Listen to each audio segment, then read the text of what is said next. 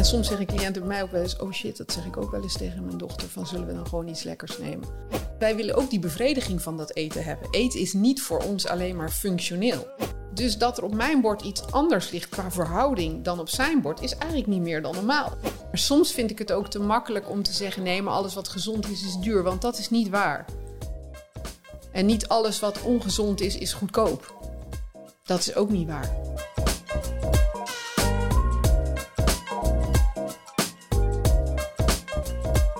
Welkom tot de podcast De Vergeten Groepen, waarin we ons voornamelijk richten op de jongeren en hun ouders met verschillende belangrijke onderdelen van opvoeden en ontwikkelen. Parenting. Dit relateren we dan aan de maatschappij, hoe ze zich heeft ontwikkeld en hoe die zich zal kunnen ontwikkelen en wat wij eraan kunnen doen. Vandaag uh, zit ik hier in een heel mooi huis overigens uh, bij uh, Saskia de Ridder en ja, de eetpsycholoog. Saskia, ja. vertel eens, hoe is, uh, hoe is het zo begonnen? Hoe is het zo begonnen? God, dat is een lang verhaal. Ik ben van origine psycholoog. Dus dat, uh, um, en ik had uh, altijd eigenlijk een hele erg interesse zelf voor gezonde voeding, gezonde leefstijl.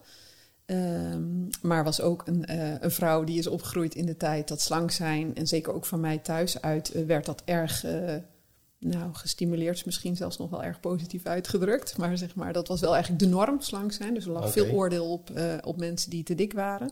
En van wie kwam dat dan eigenlijk? Van, uh, was dat van je vader of van je moeder of in het algemeen? Of? Ik denk vooral mijn moeder. Die was zelf ook erg bezig altijd met diëten en slank zijn. En hoe ze er wel of niet uitzag. Um, dus dat kreeg ik wel echt mee, dat ik slank moest zijn. En mijn vader kwam uit een familie met wat stevigere dames. Dus dat werd me ook altijd om de oren... dat ik daar toch wel op leek, op de, de ridders. Dus uh, dat ik wel op moest passen. Dus dat mijn voorland wel was dat als ik niet oppaste, dat ik ook stevig zou worden. Okay, of ja. meer dan stevig. Ja, ja. En vanaf welke leeftijd was dat ongeveer dat je dat echt begon op te merken? Of in ieder geval dat je dacht van hé. Hey. Zolang als ik me kan herinneren eigenlijk. Ja. ja. Dus eigenlijk dat je bewust werd van hoe een vrouw eruit moest zien. Ja. Weet je ongeveer wanneer de leeftijd daarvan is? Nou, en misschien nog wel eerder eigenlijk denk ik dat ik als kind, maar dan nog niet eens zozeer mijn eigen bewustzijn, maar dat, dat vanuit mijn moeder bijvoorbeeld dan wel gezegd werd dat ik uh, lekkere dikke billen had en uh, of dat ik echt uh, de ridderbenen had, dat soort teksten. Dus dat okay. ik wel ergens voelde dat dat niet als positief bedoeld was. Um, en in de puberteit komt daar natuurlijk bij dat je lichaam gaat groeien. En dat je, ja, je gaat vergelijken met andere meisjes, of het wel of niet slank genoeg is. Ja. Nou ja, dat, dat, dat gebeurde meer vanaf de puberteit. En ik zat ook nog op klassiek ballet. Dat is natuurlijk wat dat betreft ook niet de meest lichaamsvriendelijke omgeving. Nee. Dus dat was wel een, een, beetje een squeeze waar ik in zat. Dat ik dacht, oh, maar ik ben eigenlijk heel stevig en, uh, en, en groot. En balletmeisjes zijn heel tenger en frêle. En dat ben ik niet. Dus dat is wel, dat vond ik een hele moeilijke uh, gap, zeg maar. Oké, okay, en toen op een gegeven moment werd je psychologe? Ja. En toen op een gegeven moment, wanneer ben je toen de eetpsycholoog begonnen? Nou, dat is eigenlijk pas veel later, want ik ben oorspronkelijk ja. afgestudeerd als kinder- en jeugdpsycholoog. Okay. Omdat ik altijd zei, ik wil niet met volwassenen werken, want volwassenen die willen helemaal niet veranderen. Die zeggen wel dat alles niet klopt, maar als puntje bij paaltje komt, willen ze niet veranderen. Dus het leek mij leuker om met kinderen te werken. Uh, want die zijn, uh, die zijn ook vaak nog heel flexibel in hun mm -hmm. denken. Hè? Dus dat, uh, dat vond ik heel leuk. Uh, maar goed, op een gegeven moment, uh, um, ik heb zelf vijf kinderen, uh, was het wel heel veel opvoedvraagstukken, zowel in werk als privé. Dus toen merkte ik dat ik daar eigenlijk weer een beetje terug wilde naar het volwassen stuk. En dat kwam eigenlijk samen met mijn eigen groeiende interesse voor, ik wilde anders met eten omgaan. En eigenlijk ook anders omgaan met hoe ik zelf met mijn, ja niet zozeer, want ik heb niet periodes gehad waarin ik nou heel veel overgewicht had, maar wel altijd maar het idee dat ik dat onder controle moest houden. En dus altijd maar denken, oh, dit is niet goed of dat mag niet, verboden voedingsmiddelen, allemaal van dat soort gedachten. En toen ben ik dat op een gegeven moment met elkaar gaan combineren. En ook een beetje in mijn omgeving gaan, ja, eigenlijk een uit de hand gelopen hobby. Ik begon op een gegeven moment wat gezonder te koken en zo. En toen zei een vriendin, jeetje, oh, dat wil ik eigenlijk ook wel. Kan je daar niet iets mee doen? Dus toen ben ik, voor, uh, ben ik op een gegeven moment kookcursussen gaan organiseren. Om mensen te leren, hoe kan je nou eigenlijk gezond koken? Zonder dat je drie uur in de keuken staat of naar vijftien winkels moet. Maar, nou. En dat was op zich wel een succes. Maar wat ik daarin merkte, en dat triggerde op een gegeven moment dit idee, is dat er sommige mensen waren die deden heel erg wat ik had gezegd, wat de juf zegt, om het Ja. zo maar te zeggen. En dat ging goed. Maar op het moment dat ze het alleen moesten doen, eigenlijk niet. Omdat ze eigenlijk niet probeerde zich eigen te maken. Waar gaat het nou over? Maar gewoon, ik doe wat de juf zegt en dan komt het goed. Er was ook een groep die natuurlijk elke keer ging zeggen waarom het allemaal niet gelukt was, omdat ze ja, dat, dat ingewikkeld, geen tijd, et cetera. En er was een groep bij wie op de een of andere manier die mindset veranderde. En die zoiets hadden, hé, hey, maar dit waren dingen die ik nodig had. Nee, maar dit snap ik en nu kan ik er zelf mee verder. En ja, die waren het meest eigenlijk succesvol in het veranderen van hun levensstijl. En had je ook specifiek die groepen onderverdeeld? In, nee, uh, ook, ook maar ik merkte dus dat als ik met een groep nieuwe mensen startte, dat deze driedeling altijd ontstond. Nou, mensen die natuurlijk helemaal elke keer zeggen: joh, ik, hè, dat was de groep waarom ik oorspronkelijk niet in de volwassen psychologie wil. Die zeggen: ik wil wel wat veranderen, maar die gaan elke keer uitleggen waarom het toch niet lukt. Ja. Dan een groep die op zich heel graag wil, maar die op de een manier niet de slag kan maken van: maar waar, gaat het nou echt om? Dus zolang de juf er maar bij staat, gaat het goed. Maar op de ene manier maken ze het zich niet eigen. En ik merkte dus dat de groep die de mindset veranderde, daar vond de verandering plaats. En toen kwam het idee: hé, hey, het zit hem dus niet in het eten want ze hebben alle drie dezelfde receptuur, technieken, kennis gekregen. Het verschil zit in de mindset. En zodoende is dat idee gaan van, hey, kan ik daar niet wat mee? En dat heeft lang gebroed in mijn hoofd, omdat ik dacht, ik kon niet vinden welke vorm. Ja. Hoe dan? En ik dacht, ja, die kookworkshop, dat is het dus niet. En op die ja, langzaam over nagedacht, met wat mensen over gesproken. En toen is eigenlijk dat idee ontstaan van, hé, hey, misschien kan ik wel gewoon mensen gaan benaderen met: hey, ik kan je helpen met een andere mindset, met anders denken over eten, anders denken over je lijf. Ja. En op die manier, nou ja, dat idee is nu inmiddels in een paar jaar uitgegroeid. Ja, leuk. ja, ja. ja. En op een gegeven moment, want je hebt de website, hè? Ja. www.agepsycholoog.nl. Ja, niet de, www.agepsycholoog.nl. heel goed dat zegt, want in het begin, het is even serieus, ik was gewoon letterlijk aan het intypen. En ik dacht ineens, hé, hey, ik typ de eetpsycholoog, waarom? Weet het niet, maar ik deed het wel. Maar daar ehm, is dan ook je doelgroep voornamelijk vrouwen? Of is het zo dat vrouwen daar gewoon uh, meer mee geconfronteerd worden? Uh, beide. Ja. Ik denk wat jij zegt, vrouwen worden er meer geconfronteerd eh, mee, worden ook meer aangesproken op hun lijf. Hè. Dus op vrouwen ligt meer de druk van je moet slank zijn.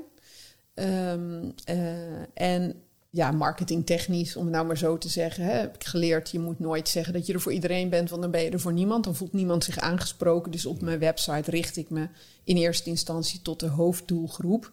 Namelijk degene die zich het meest aangesproken voelen, vrouwen. Maar ik heb ook een aantal mannen uh, die bij mij in uh, begeleiding zitten. Ja. En als ze jou bellen, is dan het eerste wat ze zeggen van ik ben een man, mag ik? Ja. nou, ik, zeg al, ik, doe, zeg altijd, de grap is uh, dat ze aan mij vragen, ja. doe jij ook mannen? Ik zeg, doe jij? ik doe ook mannen. Ja. Ook letterlijk die vraag. ja. ja. Nee, leuk, leuk. Nee, we waren vooral bezig. Kijk, ik kijk gewoon altijd daar. Ik had je website gezien en toen dacht ik aan mijn moeder en toen dacht ik aan mijn zus. En, en toen viel me altijd op dat mijn moeder, die, die was natuurlijk ook altijd bezig met diëten. Uh, ik heb een dochter, uh, ik heb een vrouw en die zijn ook heel veel uh, bezig met, ja, met diëten. En wat diëten dan inhoudt is voor iedereen anders. Kijk, ehm, mijn moeder die maakte bijvoorbeeld gestoofde vis met gepofte aardappels en, en dan groenten in de oven. Um, alleen, ja, ik vond het zelf als, als, als, als, als, als zoon, vond ik dat niet zo fijn. Zeg maar. Dus dat vond ik altijd wel, vond ik wel frappant hoe dat dan hoe dat dan werkt. Maar hoe zie jij dat, zeg maar, um, want je hebt verschillende coachingstructuren in je, in je, op je website. Um, zou je daar iets meer over kunnen vertellen? Nou ja, wat ik eigenlijk op dit moment aanbied zijn twee verschillende mogelijkheden. Eén is dat iemand echt een online programma gaat volgen en het helemaal zelf gaat doen. En waar dat vooral voor is, is voor mensen die eigenlijk ja, wel die worsteling hebben met eten in hun lichaam, maar eigenlijk nog nooit verder hebben gekeken dan dieetidee. Dus wat je mhm. omschrijft van je moeder, zo zijn natuurlijk heel veel vrouwen er komt weer dit dieet, er komt weer dat dieet. Ze proberen het, het helpt even en daarna niet. En die zeg ik van, joh, in zo'n online programma leer je eigenlijk, ja, wat is de functie van eten, maar ook hoe kijk je naar jezelf, want er komt zoveel bij kijken. Ehm, en in, dan ga je eigenlijk jezelf analyseren aan de hand van al die modules. En kijken hoe werkt dat eigenlijk voor mij? En zou ik daar ook iets anders in kunnen doen, waardoor ik op een andere manier met mezelf omga. En ik dus ook niet alsmaar in die dieet uh, modestap van hè, mezelf van allerlei dingen ontzeggen. Super gezond, maar als, het is niet lekker. Dus dan weet je eigenlijk al dat het natuurlijk niet heel lang gaat lukken. Nou, dat soort dingen. En het andere wat ik aanbied is echt één op één coaching. En dat is wel vooral voor mensen die zeggen van... Ik, ik heb inmiddels wel door dat er wat meer achter zit dan uh, gezonde keuzes maken qua voeding. Want dat weet ik namelijk allemaal al lang en dat doe ik, maar elke keer loop ik daar toch in vast. En ik wil snappen welk mechanisme eronder zit bij mij, waardoor ik er dus niet in slaag om die verandering daadwerkelijk te maken. En als we het dan over mechanismes hebben, wat, uh, wat, wat kom je het meeste tegen? Nou, eigenlijk dat eten natuurlijk een copingstrategie is, dus een manier om om te gaan met dingen die niet zo leuk zijn. En dan is die niet zo leuk zijn een breed begrip voor echt best heftige dingen, die soms al misschien al tientallen jaren spelen, mhm. versus gewoon dagelijkse ongemakken en alles wat daartussenin zit. En niet leuk zijn? Wat, wat, nou, wat ik, he, dat, dat kunnen dingen zijn dat, dat je op je werk een vervelende collega hebt die wat zegt. Of dat je gewoon te druk bent, uh, waardoor je s'avonds uitgeput op de bank ploft en denkt, is dit het nou helemaal? Maar dat, het kan ook van dieper liggende aard zijn. Dus mensen die bijvoorbeeld worstelen met ja, uh, eenzaamheid. Of uh, ja, doe ik er eigenlijk wel toe? Word ik wel gezien? Dat zijn vaak thema's die echt al sinds de kindertijd spelen. En dan dus veel diep gewortelder zitten. En hoe komen ze dan achter dat eigenlijk dat eten daar ook een hele belangrijke rol in speelt. Ik bedoel, ik zeg maar wat. Ik ken heel veel mensen die uh, angstig zijn. Ik ken mensen die depressiever zijn. Um, en dat geeft natuurlijk bepaalde, heeft dat bepaalde consequenties. Dus daarom eten ze waarschijnlijk eten ze ook vaak minder goed. Uh, maar hoe kom je daarachter? Is dat dan iets waar, waar iemand dan specifiek met een eetprobleem bij jou komt? Of ook vaak van, joh, ik merk dat ik slecht eet. Um, Alleen ik heb bijvoorbeeld een angststoornis, ik zeg maar wat. Of ik eh, ben bijvoorbeeld depressief. Um, en komen ze op die manier bij jou? Of is het dan echt puur van, joh, ik, ik merk gewoon dat ik al jaren bezig ben met eten. En nou, dat laatste. Ja. Dat laatste, ja. Dus meestal komen vrouwen, eh, en dat is ook wel interessant denk ik in het kader van waar jij mee bezig bent. De meeste vrouwen en mannen die bij mij komen, komen pas rond hun 40ste, 45ste, 50ste. Dat ze namelijk al jaren proberen al die diëten. Dat de, de, ik zeg altijd, de periode waarin het lukt wordt steeds korter. En de herhaalslag moet steeds sneller. Kortom, ze kunnen het niet meer opbrengen om dat dieet. En dan gaan ze in hun wanhoop op zoek. Oké, oh, ik ben nu 48. Uh, eh, ik ben weer te zwaar. Ga ik nou echt nu het honderdste dieet doen? Of moet ik dan maar wat anders? En zo komen ze eigenlijk vaak bij mij terecht. Van ja, ik weet het niet meer, want ik weet al lang wat ik moet eten. Dat heb ik al 30 jaar geprobeerd en dat werkt niet. Ja. Dus ik denk dat er misschien iets anders aan de hand is. En in het gesprek met mij komen ze er dan achter, want dan stel ik natuurlijk wat vragen. En dan komen we erachter, oh, wacht even, ja, maar het is al snel duidelijk dat het toch te maken heeft met emotie eten in de meest brede zin des woords. En sommige mensen hebben daar ook wel een idee van, van nou, misschien zit het in die hoek, want het is altijd s'avonds. Ik eet overdag heel goed, want dat weet ik allemaal. Maar als ik dan s'avonds op de bank zit, gaat het mis en dat snap ik niet. Nou ja, dan gaan we dat uitzoeken.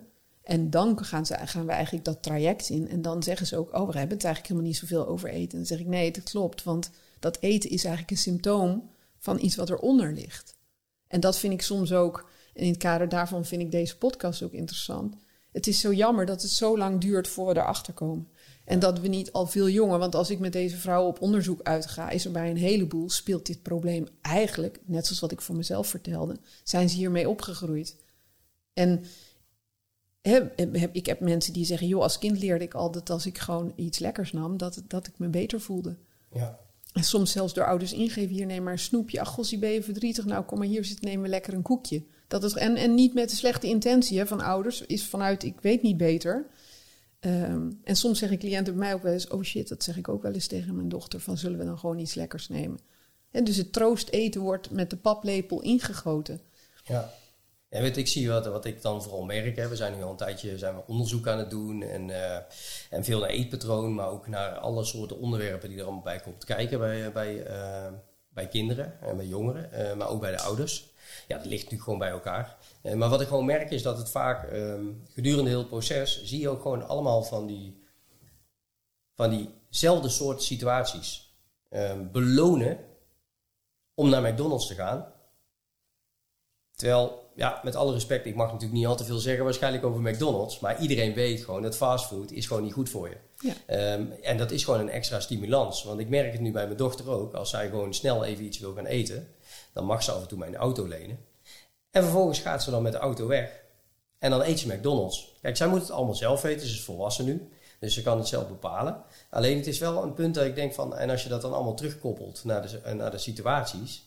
Um, ja, dan begint het eigenlijk al vaak als je, als je jonger bent. En Ehm, dat zie ik ook heel veel bij bijvoorbeeld mijn moeder hè, die, en, mijn, en, mijn, en, en mijn zus. Die zijn natuurlijk ook aan het diëten of die letten ook op het eten. Ehm, en die zijn ook vaak bezig met van oké, wat ga ik eten? Hoe ga ik het eten? En die zijn daar zo bewust mee bezig dat ik ook wel kan begrijpen. En ik weet niet of ik, hè, dat is daar even de, de, de, vraag natuurlijk, hè, want ik gaf al een referentie daarvoor. Al van oké, mijn moeder maakte gestoofde vis, et cetera, et cetera. Allemaal voor, om gezond te eten, wat op zich hartstikke positief is. Alleen de thuissituatie die zorgde op dat moment ervoor dat het ook wel een beetje aangekeken werd van oh, ja, daar heb je mijn moeder met de gestoofde vis. En dat vind ik wel jammer eigenlijk. En um, hoe zou je dat het beste kunnen beïnvloeden eigenlijk? Want ik kan begrijpen dat je het zelf wil doen. Uh, natuurlijk, hè, dat je op een gegeven moment denkt van... joh, ik wil mijn etenspatroon als vrouw of, of als man... Hè, wil ik verbeteren. Waardoor ik dus niet meer heel elke keer aan die shakes moet... of wat voor andere dieets uh, je kan verzinnen. Hè, dus, of, uh, of jezelf tot, tot vier uur s middags niet eten en dan één cracker of zo. Dat, dat hoor ik ook wel eens. Ik van ja, dat kan ook niet gezond zijn, lijkt mij. Maar hoe zie jij dat dan? Als je, als je kijkt van hoe eh, in jouw coaching en zo, hoe, vaak, hoe vaak komt dat terug? Of uh, hoe, hoe, heb je daar gesprekstof over? Nou ja, wat ik altijd zeg tegen mensen is, want wat jij beschrijft, wat jouw moeder deed, was natuurlijk dat het dan super gezond is, maar eigenlijk niet lekker. En ik zeg altijd, je moet zorgen dat eten ook lekker is. Dus je moet zorgen dat dat wat je eet gezond, voedzaam en lekker is. Want als jij een avondmaaltijd hebt die volgens de boekjes perfect is, maar waar je niks lekkers aan vindt, dan weet je al dat je op zoek gaat naar iets lekkers daarna. Want wij willen ook die bevrediging van dat eten hebben. Eten is niet voor ons alleen maar functioneel. Dat zou wel handig zijn als dat zo was, want dan zouden we altijd deze problemen niet hebben. Maar de realiteit is dat eten voor ons ook genot is. Dus als je dat genot helemaal weg gaat halen en het gezondheidsaspect 100% maakt, mhm. dan weet je dat je slachtoffer gaat worden van snackgedrag en snoepgedrag. Want je wil gewoon ook wat lekkers. Dus het helpt al om te zorgen dat wat je eet niet alleen gezond is, maar ook lekker. En vaak zijn we geneigd om daar dan inderdaad gestoomde vis en daar mag dan niks in, om vervolgens een hele reep chocola te eten. Terwijl ik denk, nou, als je de aardappeltjes bij wijze van spreken zou bakken in wat olijfolie en ze daardoor tien keer lekkerder zijn, en jij dus een tien keer lekkerdere maaltijd hebt, waardoor je niet zoveel hoeft te snoepen s'avonds, is de vraag of je calorietechnisch niet een stuk beter af was met de gebakken aardappeltjes en de gebakken vis, bij wijze van spreken, die gewoon lekker waren, dan dat dat allemaal vetvrij was, maar je vervolgens een hele plak chocolade binnen hebt gewerkt. En dat is wat ik nu heel vaak zie gebeuren. Dus dat het allebei het extreme is. En ik zeg altijd, het antwoord ligt in het midden. Want je hoeft niet extreem mager te eten om gezond te eten. Het moet gebalanceerd zijn. En, en daar is denk ik heel veel winst. En dat is ook een nadeel. Diëten zeggen natuurlijk, we gaan voor het meest optimale qua voedingswaarde. En vergeten al het andere. Uh, en daarmee ga je voorbij aan het feit dat eten dus ook een genotsfactor is. En als je die dus gewoon uitvlakt, ja, dat kan niet zomaar. Dus dat, dat, dat komt als een boemerang terug in je gezicht. Maar zou het dan ook zo dat je als het ware uh, een soort beloning moet zijn? Nee, niet een beloning. Iets waar je gewoon, uh, net zo goed als je ook wel eens iets leuks gaat doen, mhm. of een leuke film kijkt, kan je ook wel eens iets heel lekkers eten en daar ontzettend van genieten. Niet als beloning, maar gewoon omdat eten ook genieten is. Net zo goed als je ook op vakantie. Ik hoop, misschien zeg ik nu iets geks, dat mensen hun vakantie niet zien als beloning, maar als een ontspan- en genietmoment. Dat is een hele goede stelling. maar misschien zeg ik nu iets. Nou zijn er nu een heleboel luisteraars die denken: oh, voor mij was het een beloning voor heel hard werken. Ik denk dat, er, eh, dat, dat, je daar wel een punt hebt. Tenminste, als ik zie van uh, hoe vakantie beleefd wordt, dan is het als het ware van oké, ik heb heel het jaar gewerkt. En vervolgens ga ik op vakantie. En daar gaan alle uh, riemen los. Of, en vervolgens gaan, we, gaan we daar, zijn we twee of drie weken of hoe lang je vakantie dan ook is. Daar kan alles. En vervolgens kom ik thuis. En dan als het ware, dan gaan we weer werken. En dan maar dan ben ik ook benieuwd op het moment dat je dat zo ervaart. Dus als je dit hoort en je denkt bij jezelf van... hé, hey, dat is eigenlijk bij mij wel uh, het geval. Dan vraag ik me ook af van hoe, hoe zit je etenspatroon dan in elkaar? Is het dan ook zo van oké, op, op vakantie kan ik alles eten, maar als ik thuis kom... dan moet ik weer diëten en dan moet ik weer alles eraf, et cetera, et cetera. Want dan krijg je wel een heel raar patroon, denk ik. Nou, maar dat hoor ik natuurlijk heel vaak. Mensen gaan met mij bij wijze van spreken zeggen dan... nou, ik begin dan bij jou wel in september nu... want op de vakantie uh, ga ik nog even los. Dan zeg ik, dat is natuurlijk interessant... Dus vakantie betekent, dan mag alles.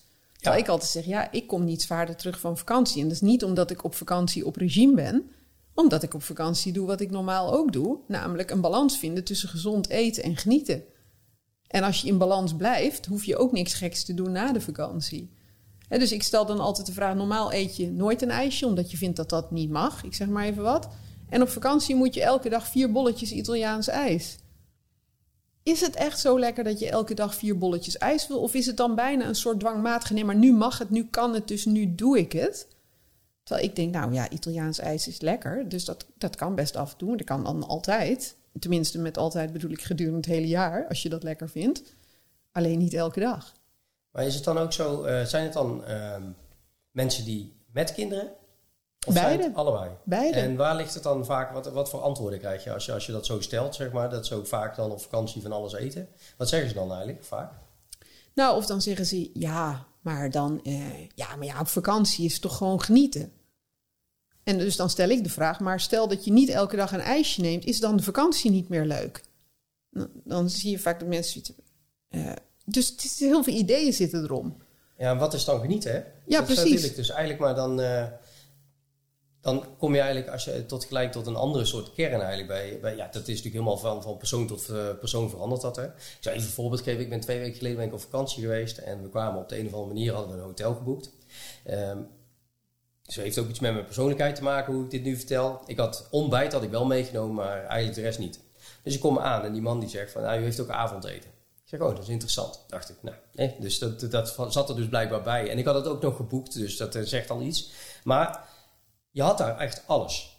Dus je had, maar het was super gezond. Dus je had ook fruit, je had noten, je had ook uh, meloen. Aan de andere kant van de meloen en de fruit stonden. Je raadt, je ik weet al, al wat je gaat zeggen. De taartjes, ja. de, de soesjes, de, de, de muffins, uh, noem het maar op. Alles was aanwezig. En inderdaad, ook een bolletje ijs. En nu begrijp ik dat wel, zeg maar. Hè, dat je af en toe een bolletje ijs vind ik ook lekker. Um, alleen ik merk gewoon aan mezelf duidelijk dat ik op een gegeven moment heb ik gedacht, ben ik gewoon gaan kijken naar de voeding. Hè? Zoiets van hoe, hoe zit voeding nou in elkaar? Hoe wordt het gemaakt? Et cetera. En als je daar onderzoek naar doet, ja, dan kom je natuurlijk al snel in de structuur van de supermarkt kom je al terecht. Dat je denkt van oké, weet je wel, dat is natuurlijk ook duidelijk dat je daar ook op een bepaalde manier gestuurd wordt. Ik ben van mening dat je op een gegeven moment inderdaad, als je je patroon verandert, dan kom je op een gegeven moment eigenlijk tot een bepaald punt dat je eigenlijk geen zin meer hebt in die zoetigheid. Dat je ook een bepaald soort andere soort smaak of zo ontwikkelt. En dat vond ik, dat vond ik het meest interessante eigenlijk van de afgelopen vakantie ook weer. Dat ik letterlijk, ik loop daar naar die grote tafel met van alles en nog wat erop. Ik moet wel zeggen dat uh, dat was echt, echt goed verzorgd, dus, maar dat mag ook wel. Uh, vervolgens komen we eraan en ik merk gewoon dat ik automatisch aan het fruit loop. En dat vind ik dan interessant, zeg maar.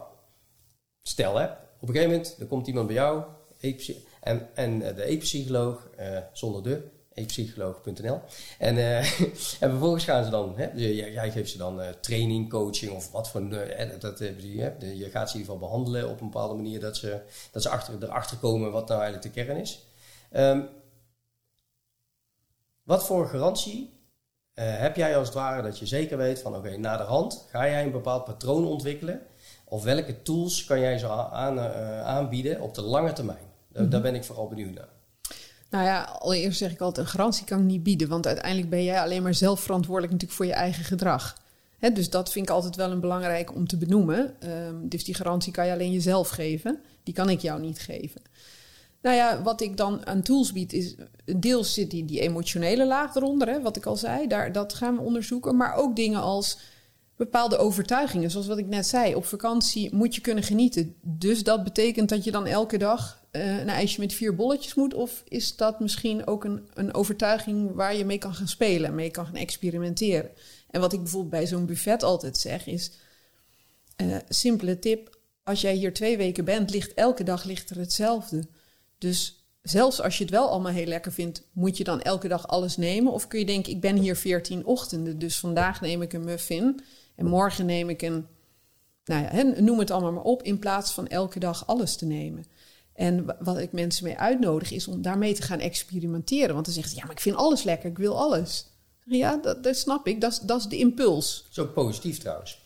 Dat je alles lekker vindt. Want dat ja. betekent ook dat je kan kiezen voor hetgene wat... Hè, ja, ja. ja, nou, overigens is dan ook nog een interessante... Is het echt allemaal zo lekker? Dus wij denken dat het lekker is. Maar een van de dingen die ik mijn cliënten altijd laat doen, is een lekker experiment. Iets te nemen wat dan niet iets van de banketbakker, een super lekker gebakje, want dat geloof me, dan noemen ze iets uit de supermarkt. Ik had iemand die zei, die mini krentenbolletjes van de supermarkt vind ik echt super lekker. Nou, dan denk ik, het, het zou kunnen in theorie, maar ik vermoed dat ze minder lekker zijn dan je denkt. Dus dan zeg ik, ga nou eens een experiment doen. Ga nou eens zo'n krentenbolletje eten alsof je er een recensie over zou moeten schrijven. Over textuur, smaken, welke soort smaken, mondbeleving, nasmaak. Dus je neemt een paar hapjes en ga echt proeven, niet hapslik weg. En dan geef je een cijfer. En ze komen natuurlijk allemaal een beetje met schaamrood op de kaken daarna erachter dat dat krentenbolletje uit de supermarkt natuurlijk helemaal geen 9 is op een schaal van 0 tot 10. Maar zoals één vrouw zei, ze zegt ik durf het gewoon niet hardop te zeggen. Ze zegt het is gewoon een 4. Ze zegt ik snap het zelf ook niet, want ik zit hier net aan jou vol vuur te verdedigen dat ze echt super lekker zijn. En het is een 4. Hoe kan dat?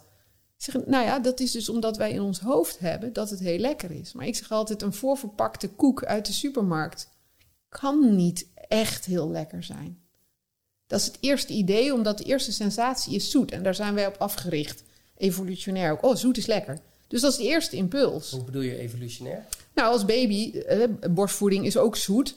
En zoet leren hebben we in de natuur geleerd. Zoete eh, eh, vruchten en dergelijke zijn vaak gezond. In de zin van niet giftig dus zuur, bitter zijn smaken waar je voor op moet passen. Dus wij hebben geleerd zoet. En ook het brein weet zoet is calorierijk. En van oudsher was calorierijk goed. Want er was geen eten in overvloed, zeg maar een paar duizend jaar geleden. Dus zoet betekende veel calorieën. Ja, dat is fijn, dat is goed. Om te, dus wij hebben biologisch gezien een voorkeur voor zoet. Dus de eerste sensatie als je iets zoet doet, al is maar een suikerklontje op je tong, is oh lekker. Maar, maar dat is één seconde. Ja. Hè, ik denk dat de meeste mensen die een suikerklontje in een, op hun tong laten smelten, zullen zeggen: ja, het is eigenlijk niet veel. En dat is dus met veel van de zoetigheid die we eten, zijn dingen waarvan we denken: oh, dat is heel lekker. Tot we echt gaan proeven en dan merken: oh, zit bijvoorbeeld hè, veel koeken natuurlijk uit de supermarkt zitten conserveermiddelen in, want anders kunnen ze namelijk niet drie maanden in het schap liggen. Uh, zitten bittere nasmaken aan? Of, of, hè, of proef je toch iets waarvan je denkt: hmm, en vaak is voor mensen een enorme eye-opener. Dus misschien een leuke anekdote om te vertellen, omdat het ook een man was uh, die bij mij uh, in, in begeleiding was. En die, die werkte in een hele drukke omgeving, vaak te weinig tijd om te eten. En hadden ze een grote automaat met gevulde koek. Nou, zei hij, is echt helemaal. En als hij het ook aan mij vertelde, je zag hem helemaal oplichten. Nou, elke dag wel minimaal één. En op een goede dag of slechte dag, is maar net hoe je het benadert, twee. Zo lekker, echt zo lekker. Ik zei, nou, een gevulde koek in een plastic verpakking in een vending machine. Hoe lekker wil je het hebben? Ik bedoel, een echte gevulde koek van de banketbakker met amandelspijs, daar wil ik nog in meegaan. Maar zo'n ding met gemalen witte bonen uit de automaat. Nee, maar het is echt heel lekker. Ik zei, nou, ik daag je uit. Ga dat gewoon lekker doen, hè, wat ik net beschreef. Neem niet hapslik weg, want mannen eten vaak natuurlijk ook nog heel snel. Dus hapslik weg. Nee, je moet echt een paar kleine hapjes echt goed kauwen, voelen in je mond. Ik zeg, en ik spreek je over twee weken weer. En dan hoor ik graag wat je ervan vindt. En hij lachen. Nou, jij denkt natuurlijk dat ik hem niet lekker vind. Ik zeg, nou ja, dat denk ik inderdaad. Maar hey, prove me wrong. En hij zei, nou, dat ga ik zeker doen. Nou ja, je begrijpt het al twee weken later. Zit hij al lachend in de Zoom, want ik doe heel veel via Zoom. Dus hij zit uh, al lachend, komt hij in beeld. Ik zeg, wat is er? Ja, hij zegt, het is gewoon, ik snap gewoon niet hoe dit kan. Hij zegt, het is niet te eten. Hij zegt, het is echt niet te eten. Hij zegt, ik snap niet hoe ik twee weken geleden tegen jou heb gezegd dat dit zo lekker was. En dacht dat ik jou ging laten zien, ik ben anders dan de rest. Voor mij geldt dit niet.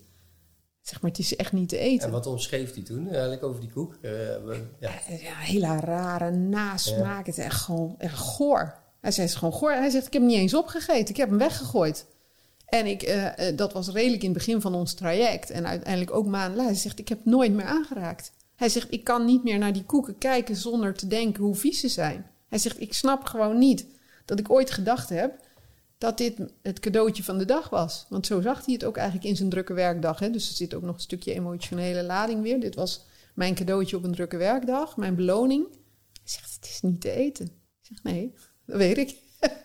dat zei ik al, dat het niet zo was. Maar sommige mensen moeten het eerst, nee, dat is flauw. Maar hè, eh, zelf ervaren ja, erover nadenken, daar begint het Maar dat is natuurlijk fascinerend dat je de overtuiging hebt ja. Dat het lekker is en dat ook echt gelooft en dat zo ervaart, tot iemand je vraagt om daar kritisch naar te kijken. En dan kom je tot de conclusie dat je het vies vindt. Hetzelfde product. Hij zei, ik dacht eerst dat je gewoon in die, in die automaat bedorven koek had gestopt. Hij zegt, ik weet dat het niet, dat, dat niet kan. Hij zegt, maar het voelde gewoon zo raar om, om ineens te merken dat het helemaal niet was wat ik dacht. En, en toen, eh, toen op een gegeven moment, hij, hij was tot de conclusie gekomen, zeg maar, die koek, die is er niet. Nee. Ehm, had hij toen iets anders nodig of zo? Of uh, had hij toen ook zoiets van, ja, nu valt er iets, een deel weg. Dus wat ga ik nu doen, zeg maar, op mijn werk? Of uh, was dat een vraag? Of uh, is dat iets wat... Nou ja, toen hebben we wel gekeken, oké, ja. maar wat zou dan wel iets zijn... wat wel voedingswaarde heeft? Want die koeken waren natuurlijk ook dodelijk voor die bloedsuiker. Mm -hmm. hè? Dus dan zei hij ook, na een half uur heb ik weer honger... en dan ging hij er dus soms nog een halen. Ja, logisch als je voedingstechnisch ernaar kijkt. Pure suiker natuurlijk. Dus gingen we kijken van, hé, hey, maar als je daadwerkelijk behoefte hebt aan iets... hoe kunnen we dan iets verzinnen wat jij lekker vindt, voorwaarde nummer één, wat voed, voedzaam en gezond is. Nou, en toen kwamen we in zijn geval uiteindelijk uit op, uh, uh, hij vindt pindakaas heel lekker. Uh, en toen hadden we zoiets van, nou, iets van volkoren knekkenbreud met pindakaas. Dat kan je altijd in je la hebben, want hij had een probleem dat hij, hij werkte als arts... Um, dat hij ook heel vaak ja, geleefd werd natuurlijk door dus, dus hij niet altijd naar de kantine kon. Dus hoe kan je nou iets hebben wat je toch kunt bewaren in je la, bij wijze van spreken, wat altijd ter beschikking is, wat niet onderhevig is aan bederf, et cetera, wat wel waarde heeft en wat hij lekker vond. En voor hem werkte dit. Hij zei, dit vind ik echt, dit vind ik echt ook lekker. En ik voel me tien keer beter dan na die koek, want dan voelde ik me meestal slecht na een half uur. En dit is echt een perfecte oplossing voor mij. Dus ik ga altijd op zoek naar wat werkt voor jou. Ja. En, en, dat is niet altijd voor iedereen hetzelfde. Um, maar in zijn geval was het dus echt ook de behoefte aan voedsel in combinatie met iets lekkers. Dus die elementen moesten er erin zitten. En was je naderhand was je nog gaan nadenken hoe die nou bij die koek kwam? Of is dat gewoon toevallig geweest? Of...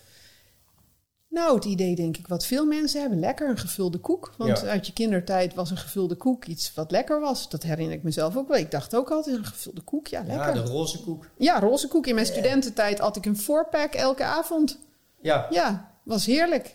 En dan nam, nam ik ze alle vier. Ja, heerlijk. En nu, als ik nou ja, naar de ingrediëntenlijst kijk, denk ik al zo, daar bedank ik eventjes voor.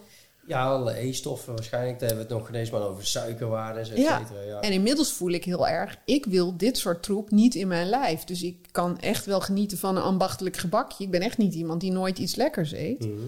Maar ik wil wel dat het dan echt lekker is. Echt dus qua smaak lekker is. En dat het ook echt gemaakt is van eerlijke producten.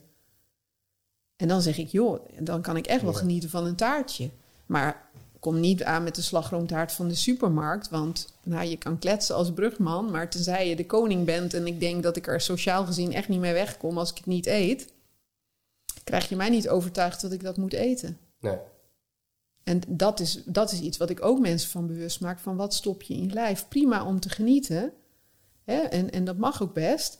Alleen al die suikers zijn natuurlijk niet goed voor je. Ook het banketbakkergebakje is niet goed voor je lijf. Maar als je daar een goede balans, ik zeg altijd 80-20, hè, het zorgt dat 80% gezond is, 20 lekker. Maar zorg dan dat die 20 ook echt lekker is. In plaats van dat, die 20 in te gaan vullen met voorverpakte gevulde koeken. Want dat is eigenlijk heel zonde. En dat is ook op vakantie, dat je dan zegt, ja, wil je die 20% dan invullen? Of, of moet, wordt het dan ineens 80 genieten met elke dag een ijsje met vier bolletjes en een twee croissantjes bij het ontbijt en een pizza en een Ja. fles wijn? Of kun je zeggen, nou, ja, als je om de dag een ijsje eet, eet je al de helft minder ijs dan wanneer je het elke dag. En zou dan je vakantie verpest zijn als je niet elke dag een ijsje eet? Oké, maar nu hebben we eh, een moeder, die gaat met een man en twee kinderen, of drie kinderen, hè, dat maakt niet uit. Gaat op vakantie. Ja. Dus die heeft daar helemaal de tijd. En die, eh, maar op een gegeven moment denkt ze toch wel zoiets van ja, ehm, ik wil toch iets anders op vakantie. Ehm, dus ze gaat samen met de twee, drie kinderen, laten we er twee houden. En de man gaat ze elke avond, dan maakt ze een wandelingetje over de camping na het eten. Hè, ik bedoel. Eh, maar vervolgens krijgt ze elke keer de vraag van de kinderen dat ze wel een bolletje ijs willen. Ja. Ehm, die situaties die komen voor. Ja. Maar hoe, hoe, want dan wordt ze ook als het ware aangemoedigd door de kinderen al. En waarschijnlijk een beetje de man kennende. Zal die zeggen, ah joh, het is... Het is vakantie. Ja. Ja. ja, precies. Moet toch kunnen? Ja. Dus vervolgens gaat ze toch overstag, denk ik. En wat ik eigenlijk een beetje naartoe wil, is eigenlijk de sociale druk die je vanuit je gezin krijgt. Ehm, en die heb ik thuis. Uh, een voorbeeld is bijvoorbeeld op een gegeven moment uh, waar, waar, het vandaan kwam. Ik weet ook niet, niet, of dat nou echt het doel was van mijn moeder wederom. En mijn vader ook, die zegt dan ja. Uh, of zei ja. Um, we gaan vegetarisch eten. Nou ja, weet je, ik, was, ik, ik denk dat ik een jaar of zeven was of zo. Dus ik dacht, nou, ik wist nog ineens precies wat het inhield. Nee. Nou ja, binnen een maand wist ik wel wat het inhield. dat betekent dus heel vrolijk dat je geen frikandel weer krijgt. Frikandel is ook zoiets. Maar goed, dat doet niet toe. Dat was als het ware mijn beloning. Is nog steeds wel een beetje. Maar vervolgens kom je dus in een bepaald traject terecht.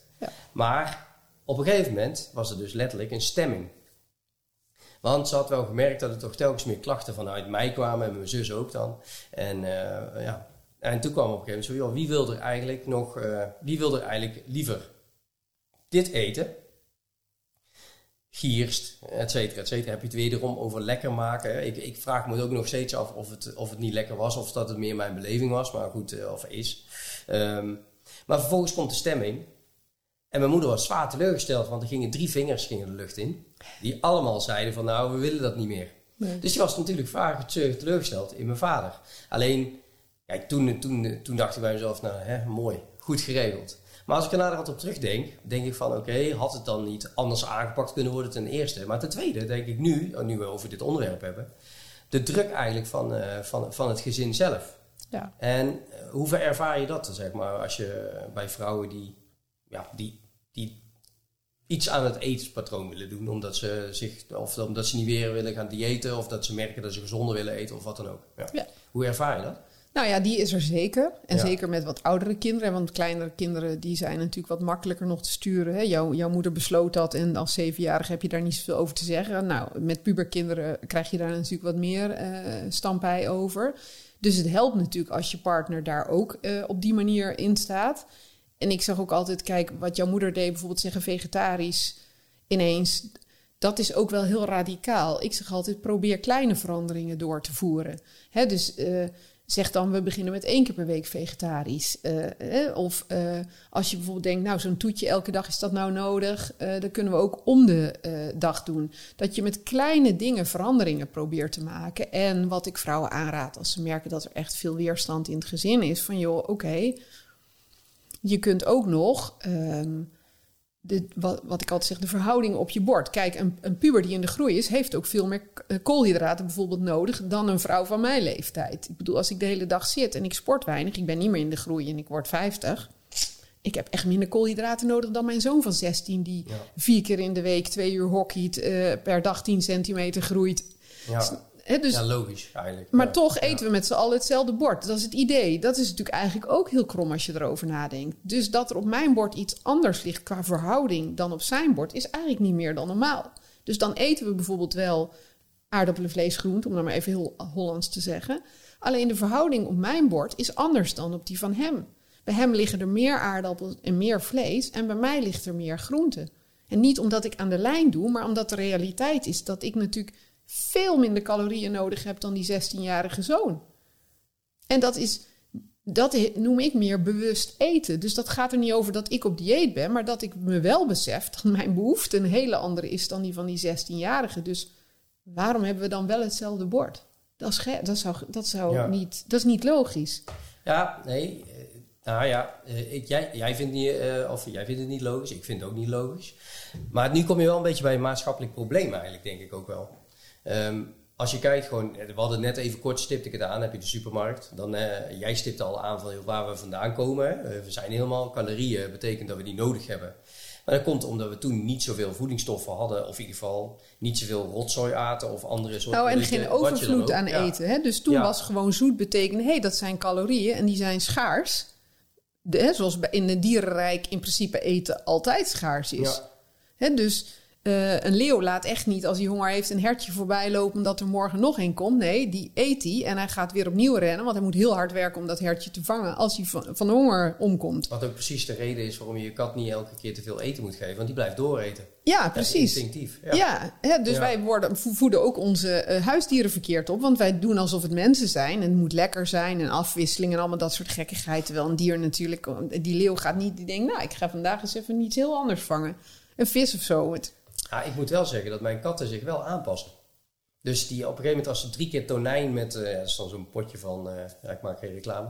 Maar in ieder geval, Zo'n blikvoertje, ja, ja. Ja, maar dan wel gezond. Iets, in ieder geval iets beter. Want ik vind ook, uh, als je zelf gezond eet, dan moet je je kat geen, geen heel vol met suikers en zo. Dat vind ik, ja, de, de, waarom? Ja. Maar op zich, na drie dagen zijn ze ook als het ware, of na twee dagen zijn ze ook gewend aan een andere smaak ja. krijgen. Dus in principe denk ik ook wel dat, je, dat, dat dieren in principe ook geconditioneerd kunnen raken. Ja, tuurlijk. En zo zijn wij ook. Ja. Ja, maar als je een dier alsmaar hetzelfde... Mijn katten krijgen elke dag dezelfde harde brokjes. Soms komen mensen bij mij en die vinden dat heel zielig. Krijgt hij voor jou niet een moesje, een soepje, een uh, weet ik veeltje? Nee, want zoals de dierenarts ook zegt... dieren hebben uh, voeding nodig die gewoon stevig is voor hun tanden. En eigenlijk zijn al die zakjes en dingetjes... zijn een soort fastfood voor katten en honden ook...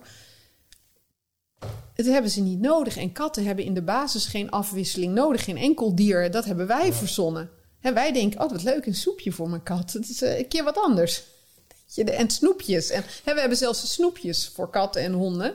Want we denken dat die dat ook nodig hebben. En natuurlijk wennen ze daaraan, net zoals wij daaraan gewend zijn. Maar zou het ook niet uh, gedeeltelijk dan door de reclame komen? Hè? Ja, Want we hebben het nu over katten. Maar in principe, uh, als je kijkt naar die gevulde koek. Um, ja, ik heb verder ik kijk bijna geen, ik heb geen televisie meer. Hè? Dus ik kijk uh, alleen maar bepaalde dingen en uh, wat ik wil kijken. En de rest zet ik eigenlijk uh, zo min mogelijk eigenlijk. Um, maar als ik dan voetbal kijk, bijvoorbeeld de afgelopen keer, vond ik leuk. Maar dan zit ik de reclame te kijken en dan komen er drie of vier van die reclames voorbij. Waarin je eigenlijk aangemoedigd wordt voor alcohol. Ja. Voor mannelijke dingen. Hè? Nou, op een gegeven moment had je ook... Uh, wat was het ook weer, RTL 7? De zender voor mannen of zo? Ja. ja dat ik dacht van, hoe verzin je het? goed, dat doet niet toe. Maar op een gegeven moment ben je dus wel allemaal bezig met bepaalde soorten voeding uh, Ja. dingen. En dat zie ik hetzelfde in de supermarkt. De supermarkt vind ik eigenlijk gewoon, om eerlijk te zijn, ik zit ernaar te kijken, ik snap het, we zijn het gewend dat het zo is. Alleen, het is meer commercieel opgebouwd dan dat het ook maar iets te maken heeft om, om iedereen nou goede voeding te bieden. En ik vind het wel de verantwoordelijkheid van jezelf, hè? laat even duidelijk zijn. Maar ik kan wel begrijpen dat als je zo opgevoed bent en je hebt daar nooit op gelet, dat je op een gegeven moment ook daar binnenkomt en de normaalste gang van zaken vindt. Dat je elke keer aan het einde kom je via de chips. Ja. Uh, dan krijg je nog de diepvries, maar dat heeft meer te maken dat het uh, in bevroren moet zijn, want anders is het al ontdooid voordat je de supermarkt uitkomt. Ja. Via de ijsjes, de diepvries-ijsjes, loop je zo naar buiten. Ja. En dat, ik denk dat daar ook wel heel veel winst valt te halen. Maar is dat, als je, als je daar naar kijkt, hè, als, uh, is dat, vind je dat puur de verantwoordelijkheid van jezelf? Vind ik trouwens wel, grotendeels. Hè. Uh, de verantwoordelijkheid van alles ligt bij jezelf. Wat jij ergens mee doet, of je me ergens mee akkoord gaat, ja of nee. Maar hoe zie jij dat uh, vanuit... Wat zou je het liefste vinden dat de overheid zou doen? En Nou, dat is geen politiek onderwerp dit, maar gewoon als je kijkt gewoon naar zoiets van... wat zou je nou kunnen beïnvloeden op een normale manier om mensen te helpen? Ja, ik denk dat dat heel lastig is. Ik denk dat reclame en dergelijke wel, zeker voor kinderen. Um, maar goed, ik, ik geloof ook wel heel erg in eigen verantwoordelijkheid. Anders krijg je weer een beetje wat ik in het begin zei. Hè? Mensen doen wat de juf zegt of niet wat de juf verbiedt. Uh, je wil juist de eigen verantwoordelijkheid aanwakkeren. Dus uh, wat wel zou kunnen is dat er misschien meer voorlichting komt over de effecten van voeding uh, hè, op je lichaam. Zodat mensen zich meer bewust worden wat de consequenties zijn. En waar ik zelf wel veel moeite mee heb is... Um, de reclame en de, de mogelijkheden die bedrijven krijgen om schijnbaar gezonde producten te promoten. Hè? Dus light chips of uh, light pindakaas, waar dan vervolgens blijkt minder vet, maar veel meer suiker. Wat tegenwoordig een enorme hype is, is natuurlijk de airfryer. En dat mensen ontdek, uh, niet doorhebben dat de gefrituurde, voorgefrituurde spullen voor de airfryer uit de diepvries alles bij elkaar uiteindelijk vetter zijn dan wanneer je het zelf in het frituurvet zou gooien. Bij dat vind ik wel, want daarvan merk ik om dat te kunnen achterhalen. Hè, dat je kijk, niet door het chipschap moet lopen als je geen chips wil eten. Dat, dat, dat, dat ik denk dat de meeste mensen dat nog wel snappen. En dat chips slecht is, dat, dat concept. Maar als er ergens verteld wordt een airfryer, maar dat is zo'n ding zonder olie. Dus wat je daarin gooit, ik snap dat heel veel mensen denken, dat is toch de bitterballen uit de airfryer zijn dan toch veel gezonder. Dan moet je echt de artikelen, de ingrediëntenlijst gaan lezen en het echt gaan vergelijken met de gewone bitterballen en bereid producten. Nou, Dan moet je eigenlijk best wel veel kennis hebben om die twee dingen op waarde te schatten. En te zien, shit, die airfryer bitterballen zijn eigenlijk alles bij elkaar nog erger dan de gewone bitterballen. Maar die informatie, om dat te kunnen achterhalen, moet je echt wel diep zoeken. En dat vind ik wel, uh, wel een probleem waarvan ik zou zeggen, daar zou de overheid misschien wel, want dat is dus eigenlijk misleiding. Want dan denkt iemand, ik maak wel een goede keuze, want ik koop airfryer bitterballen in plaats van frituurbitterballen. En dan blijkt achter de schermen dat je precies het verkeerde hebt gekocht. En dat, dat is iets waarvan ik zeg, dat gaat te ver eigenlijk om dat helemaal de verantwoordelijkheid van mensen te laten maken. Want daar moet je dus ook nog behoorlijk veel inzicht in hebben en weten waar je informatie vandaan moet halen. Dat is niet voor iedereen weggelegd. Daar zou ik wel graag van zien dat daar meer toezicht op komt en dat dat niet meer mag. Ja. Nee, maar is ook een van de redenen. Ik vertel net geen televisie meer, maar dat was ook een van de redenen. Aangezien je, nou laten we zeggen, van het uur kijken een kwartier, krijg je reclame te zien. Ja. En op een gegeven moment zie je zo vaak dat je denkt van ja, als je continu maar herhaling krijgt en herhaling, dan op een gegeven moment ga je ook nog geloven van oké, weet je wel, zo'n cornetto, ja, ik heb dat ook wel verdiend na het eten. En natuurlijk is dat af en toe ook lekker, weet je. Dan kom je weer bij hetzelfde verhaal. Jezelf belonen of wat je dan ook of af en toe eventjes. Hè. Alleen, ik vind het concept van uh, het continu maar to tolereren. Even een slokje, anders uh, ga ik hoesten. En tolereren van zulke informatie, daar heb, ik al, daar heb ik zelf wel een beetje moeite mee. Ik denk van, ik kan begrijpen, ik vind het ook hoor, absoluut. Zelf, uh, je bent zelf verantwoordelijk voor hetgene wat je eet, wat je doet. Um, en ik denk dat er al genoeg regels zijn, zeg maar, wat je op de een of andere manier waar je aan moet houden. Dat is prima, maar je bent nog steeds zelf verantwoordelijk voor hetgene wat je eet en wat je met je lichaam doet, et cetera. En uh, ik denk dat dat wel een heel belangrijk concept is. Ja. ja. ah, goed, er ja, zit dan natuurlijk... kom je weer terug bij de McDonald's, zeg maar. Ik bedoel, het belonen van de McDonald's. Ik vind dat een raar concept toen ik dat hoorde. Toen dacht van, ja, weet je wel, McDonald's, ik kan het wel begrijpen. Hè? Af en toe is dat lekker misschien. Uh, ik vind het niet lekker, absoluut. Daar heb je maar, hem alweer, ja. Ja, maar, de, de, maar dat is op de een of andere manier omdat je, ja, je gaat erop letten en dan weet je ongeveer van ja, wat het uiteindelijk met je lichaam doet. Dus ja. dan, ja, dat is gewoon een ander soort in, uh, dat je een patroon hebt veranderd. Ja. Nou ja, en dat je een afweging maakt, is, is het dat me waard? Ja. Want als jij zegt, ik vind die McDonald's zo lekker, dat is het mij wel een paar keer per jaar waard. Ik zeg maar wat, of één keer per maand voor mij apart. Oké, okay. alleen dan moet iets anders gaan. Hè? Want wie ben ik om te zeggen dat McDonald's, ik heb er ook niks mee. Maar als dat jouw feestje is, en ik heb dat misschien met een taartje waarvan jij denkt, nou ja, de, waar ze zin in heeft. Dus dat is niet zo erg, als je dan maar wel realiseert dat het niet en dat taartje en de McDonald's en dat wijntje en, en, en, en, en is. En dat daar, dus dat het allemaal effect heeft op je lichaam. En dat je daar dus dan keuzes in moet maken. Maar zou je dan ook zo ver kunnen gaan? Um, even terug dan.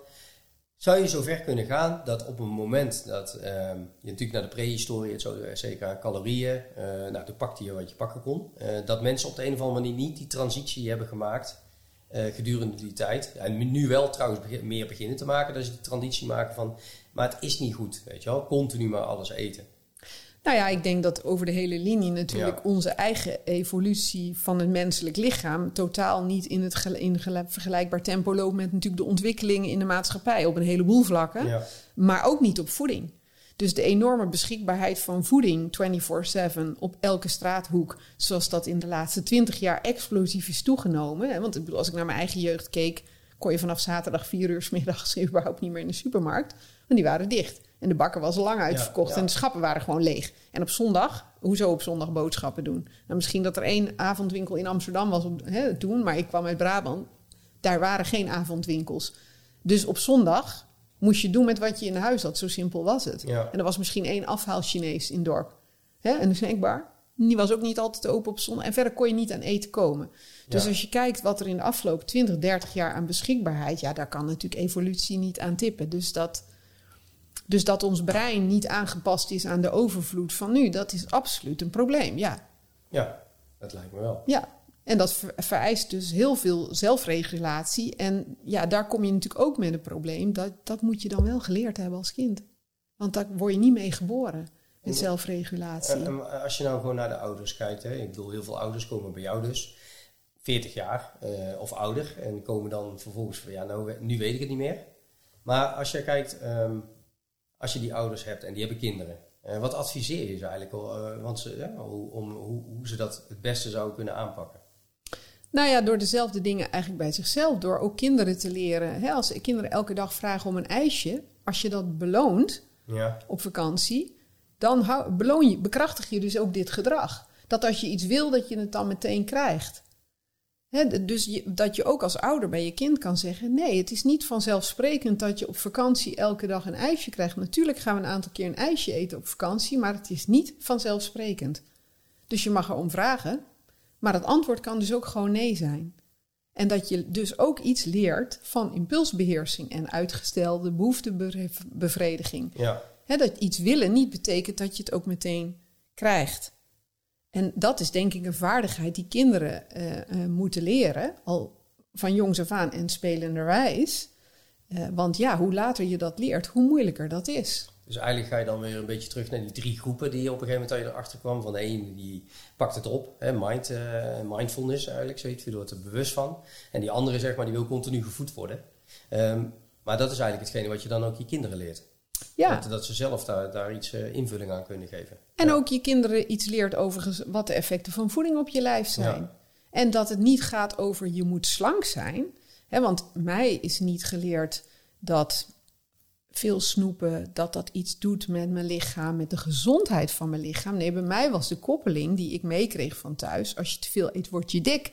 Ja. En dik is lelijk, dom. Uh, nou ja, daar hingen een aantal waardeoordelen aan dik, die allemaal niks te maken hadden met gezondheid als concept. dus ik leer mijn kinderen dat snoepen slecht is voor je tanden en slecht is voor je lijf in gezondheidstermen. Dus dat dat best kan, maar met mate, want dat het effect ervan op je lijf ongezond is. Ook als je niet, hè, want ik heb mijn puberzoon van 16 die zo hard groeit, mm. zegt elke keer, en dat klopt, die is zo mager dat het eng is het maakt toch niet uit? Dan zeg ik, nee, dat is niet waar. Jij wordt er weliswaar niet dikker van, maar de effecten van al die suiker in je lijf, want nou, pubers mogen natuurlijk kunnen zelf dingen kopen, hè, daar heb je natuurlijk veel minder controle op dan kleine kinderen. Zeg, jij wordt er niet dikker van, maar al die slechte effecten in jouw lijf zijn er net zo goed.